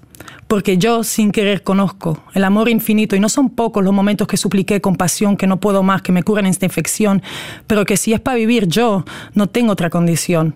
I can't possibly tell you how many times I tried to scratch my skin off to get closer to love, only to replace it by cement because I had too much of love overflow in all of my senses. My friends said it doesn't exist, but what the hell destroyed all of my defenses? Tanta saudade. Eu quase fiquei sem falar, mas não existe maldade que vá me parar de amar. Mes amis me disent que mon amour est imaginaire, une illusion que je ferais mieux de me taire. Maar ik zweer het, ik heb niet genoeg tijd, woorden of talen om te zeggen hoe hard mijn vrienden zich vergissen. Wow. Als ik nu een volle zaal was, zou ik een staande ovatie geven. Fantastisch, Miss Ellie. Dankjewel. Um, hoe oud was je toen je het ouderlijk huis verliet om op jezelf te gaan wonen? Ik was 18 jaar. Ik ben vrij snel alleen gaan wonen. Uh, ja, ik ben... Uh, ik, ben, ik was niet afgestudeerd, dus ik ben vrij snel gaan, uh, gaan werken. En mijn moeder had het er een beetje moeilijk mee. Dat uh, ineens afweek van hoezo, jij studeert niet meer en je hebt geen diploma en al die dingen. Dus dat werd heel erg in vraag gesteld. Dus het uh, leek me makkelijker om uh, alleen te gaan wonen. En was dat ook makkelijker, dat alleen wonen? Ik had de luxe, want dankzij mijn vijf talen had ik een heel mooie job die heel goed betaald werd. Ehm, ik werkte op een helpdesk, een Amerikaanse helpdesk was dat toen in Mechelen. En ik verdiende heel veel geld eigenlijk. Dus dat, die eerste jaren waren wel vrij makkelijk. Maar ik heb een, ja, er is een soort eenzaamheid als je alleen bent, uh, die dat er soms wel uh, achter de loer ligt. Maar ik heb altijd uh, de chance gehad, om het zo te zeggen, om heel veel vrienden rondom mij te hebben en mensen die dat er waren voor mij. Ja, alleen wonen vraagt veel. Hè. Dat zijn geen dingen dat je leert op school. Hè. Je rekeningen betalen, je belastingen gaan invoeren, al die dingen. Dat zijn harde lessen geweest, mm -hmm. maar heel waardevol. En ik ben heel blij dat ik dat toen al heb gedaan en daardoor alles heb kunnen doen ja, wat ik heb gedaan eigenlijk. Ja. Nu lijkt het mij heel erg goed met jou te gaan, maar het is anders geweest. Hè? Ja, zeker. Diep heb jij gezeten? Ik heb jammer genoeg uh, heel diep gezeten. Ik, uh, net niet de bodem, denk ik dan, want misschien was ik er dan niet helemaal. Ik heb op een gegeven moment Mama's op een mic heeft heel erg mijn leven veranderd. Ik, tot dan bezag ik, of bekeek ik mezelf niet als kunstenares of als een publieke figuur of zo. Um, en toen ik was begonnen, ineens met Mama's op een mic, was dat meteen een schot in de roos. En terwijl ik zelf eigenlijk nog in, in mijn beginnerschoenen zat en dan ineens vrij veel aandacht kreeg van de mensen rondom mij en ineens was ik wel een soort publiekere uh, aanspreekfiguur. En ik had het daar heel, heel moeilijk mee, omdat het dan allemaal goed gaat. En dan het ene project na het andere, snel, snel, snel. En op den duur merkte ik dat ik daar eigenlijk echt helemaal uitgeput van, van werd. Um, ik, ik wist niet meer met wie dat ik gisteren had gesproken. Ik wist niet wat ik morgen moest gaan doen. En ik heb, uh, ik heb daar een beetje paniekaanvallen op een gegeven moment aan overgehouden. Ik durfde niet meer naar buiten te komen. Ik durfde de telefoon niet meer op te nemen. Van, oh nee, die gaan hier iets verwachten van mij. Um, ik heb toen ook terug uh, het geluk gehad uh, dat de nieuwe stadsdichter van uh, Antwerpen was toen, Seco, was iemand die dat, dat toen wel in de mot had. En die belde mij regelmatig. En toen had hem door had dat ik niet meer in staat was om Mama's Open Mic te organiseren, heeft hem een, een heel team van mensen bij elkaar geroepen, die ook allemaal dichters waren, gelijk een Sacha Reunes of een Max Grayson, een Carmine Michels, een, een Pieter Kools, een Mon. Uh, allemaal mensen die dan toen in, in dat gat zijn gesprongen en Mama's Open Mic uh, mee zijn beginnen organiseren. En dat, heeft mij wel, dat was wel een redding of zo, omdat ik zag van oké, mensen vinden dit echt wel belangrijk. dus ik ben ook al die mensen voor de rest van mijn leven dankbaar dat ze dat hebben gedaan. Want anders had mama's open mic hier ook niet gestaan op dat moment. En Seiko zei ook van kijk, neem je tijd. En als je klaar bent, kom terug. En dan staan wij hier met open armen. En dat heeft, uh, dat heeft een paar maanden tot een jaar bijna geduurd dat ik dat kon doen, maar dan heb ik dat wel kunnen doen. Dus dat is, uh... En wat heb je gedaan tijdens dat jaar? Hoe heb je jezelf terug kunnen opladen? Goh, ik bedoel, ja, dat is een donkere periode. Hè. Dus heel veel op mijn kamer gewoon gezeten, jammer genoeg. Dat heeft lang geduurd en dan gewoon stap per stap, want dan die open mics uh, begonnen dan. En daar, daar al bijvoorbeeld eens naartoe gaan. Maar dat zijn heel spannende stappen. Hè. Op het moment dat je je heel zwak voelt en dat je eigenlijk geen bescherming hebt uh, tegen de buitenwereld of, of blikken of, of eender wat eigenlijk. Uh, dat je het gevoel hebt dat je zo omvergeblazen wordt door een zuchtje wind. Uh, dus dat waren al heel spannende momenten. Maar ik, uh, ik zag ook bijvoorbeeld de zomer kwam eraan. En uh, dat is uh, een, een, moment waar dat een mama's op een mic wekelijks op de zomerfabriek stond.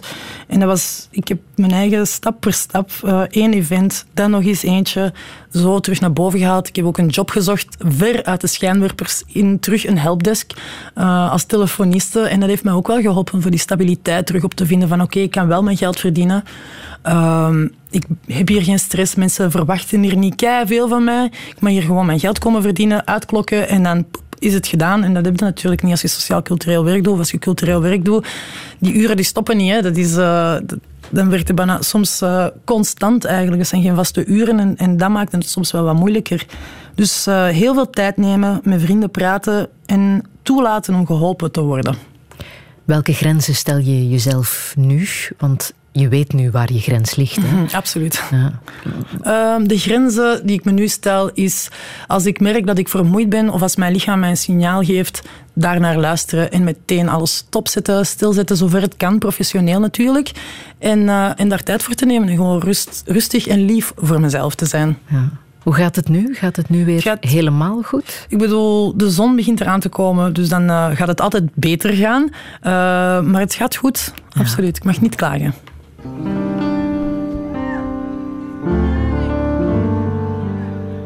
you love life, you be living. Lead the life you love, yeah. Love the life you live, yeah. Lead the life you love.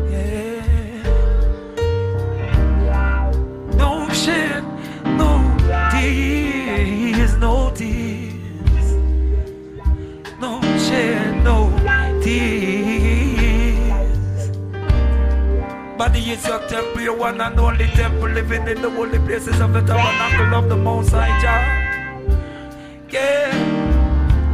So if you love the life you live, you the life you love, yeah, yeah. Love the life,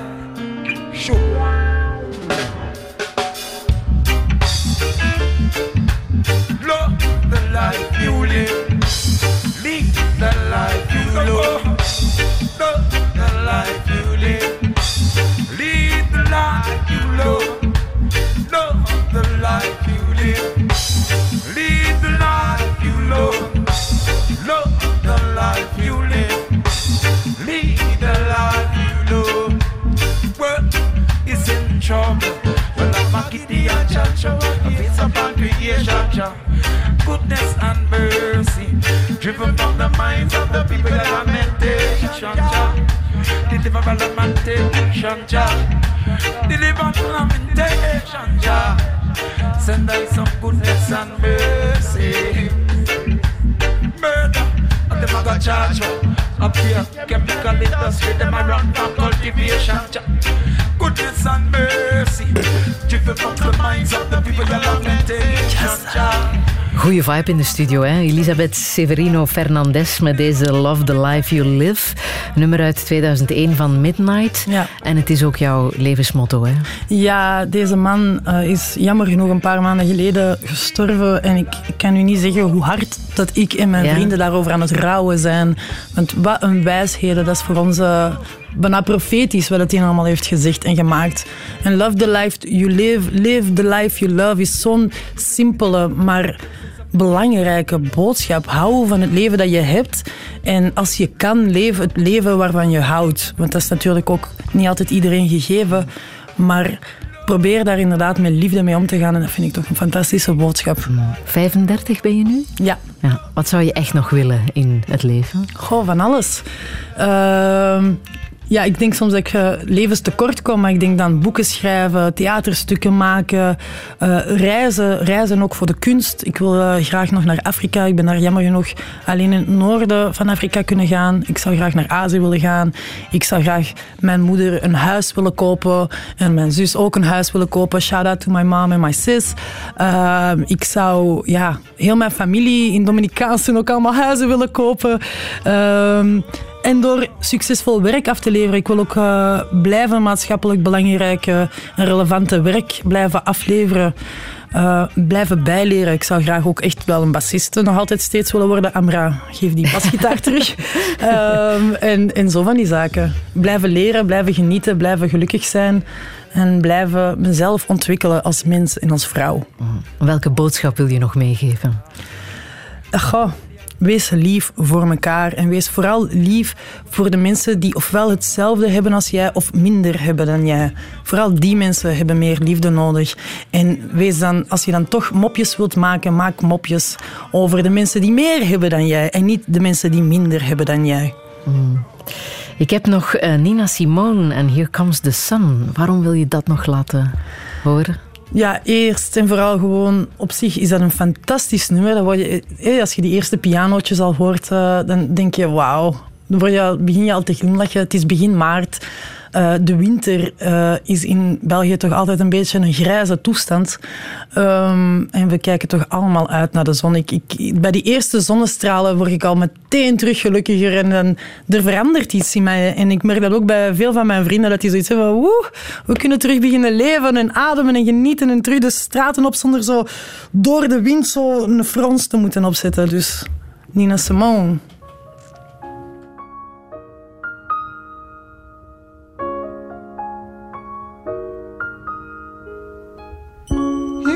Comes the sun, little darling. Here comes the sun. I say it's alright.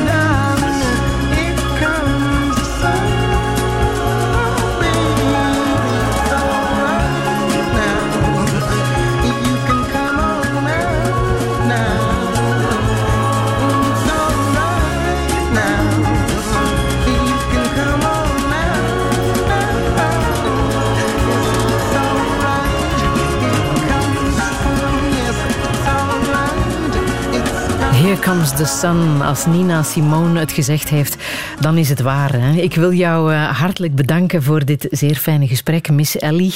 Ofwel Elisabeth Severino Fernandez. en ik wil jou graag bedanken, want ik heb mijn naam nog nooit zo vaak uh, correct horen uitgesproken worden. En het is echt een heling voor een hartje waar, die al jaren in België woont en waarvan de leerkrachten vaak weigerden om mijn naam uit te spreken en daar snel uh, Lisbeth of Fernand of Liesje van maken of Betty. Dus dank u, Friedel. Ik, ga, uh, ik, ik ben daar elke keer een beetje warmer van geworden. En elke keer voelde ik zo wat littekens, zo wat wegtrekken daarvan. Ja, en een naam is ook zoiets persoonlijks. Ja daar mag je niet aan tornen. Hè. Dat nee, moet juist zijn. Absoluut. Ja. Ik wil ook zeggen dat alles wat hier te sprake is gekomen na te lezen is op onze website radio1.be. Daar kan je ook podcasten en herbeluisteren of onze Spotify-lijst activeren. En volgende week heb ik hier Goedele de Vrooy. Radio AIM.